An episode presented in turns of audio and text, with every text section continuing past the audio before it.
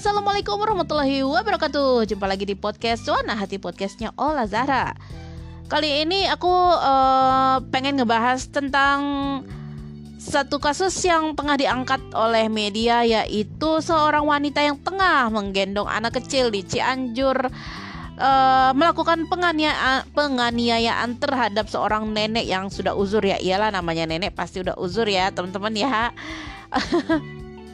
Nah, menurut media yang tengah beredar tersebut uh, wanita tersebut itu geram ya dengan uh, celotehan sang nenek yang katanya sering um, apa ya, sering marah-marah gitu ya, sering ngomel-ngomel terhadap si wanita tersebut yaitu uh, istri dari cucunya nenek tersebut yang katanya sih tinggal di rumah nenek itu ya. Dan mohon maaf ini podcast aku hari ini rada-rada teriak, rada dikencengin suaranya karena uh, beberapa podcast aku sebelumnya kok suaraku kecil sekali ya, teman-teman. Oke, kita lanjut. Atau mungkin aku lagi geram banget dengan berita itu ya. Jadi uh, ya itu juga salah satu alasan kenapa aku sangat berapi-api dan semangat di podcast aku kali ini. Seperti biasa di podcast aku yang suka-suka aku ngebahas apa aja dan menurut aku, hmm, kenapa sih harus mukul? Kenapa sih harus menganiaya? Apalagi itu adalah seorang nenek, yaitu notabene nenek itu adalah nenek dari suami suaminya dia gitu. Suami kamu ya bun. Kenapa bisa seperti itu? Dan aku membaca banyak komentar itu uh, tidak juga menyalahkan satu pihak akan tetapi dua-duanya disalahkan oleh para uh, netizen. Komentar-komentar netizen itu mengarah kepada dua-duanya.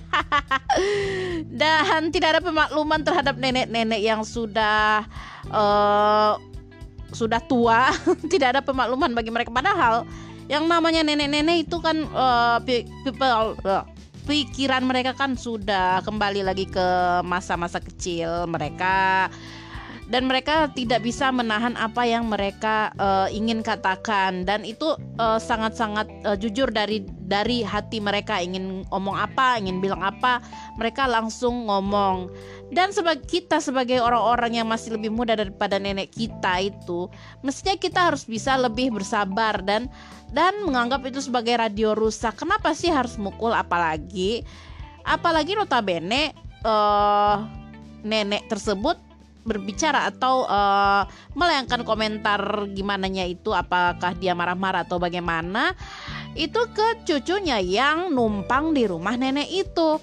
Oh my god, mikir dong kalau menurut aku ya, mikir dong. Kita kan numpang gitu. Jadi wajar-wajar aja kalau misalnya nenek itu mau ngomong apa mau ngomong apa gitu apalagi kalau misalnya memang kita malas gitu atau kita uh, kurang gitu loh. Entah ya namanya juga numpang ya emang gitu. Jadi harus tahu diri ya bunda. Buat bunda yang mukulin ya yang mukulin si nenek tersebut ya Allah.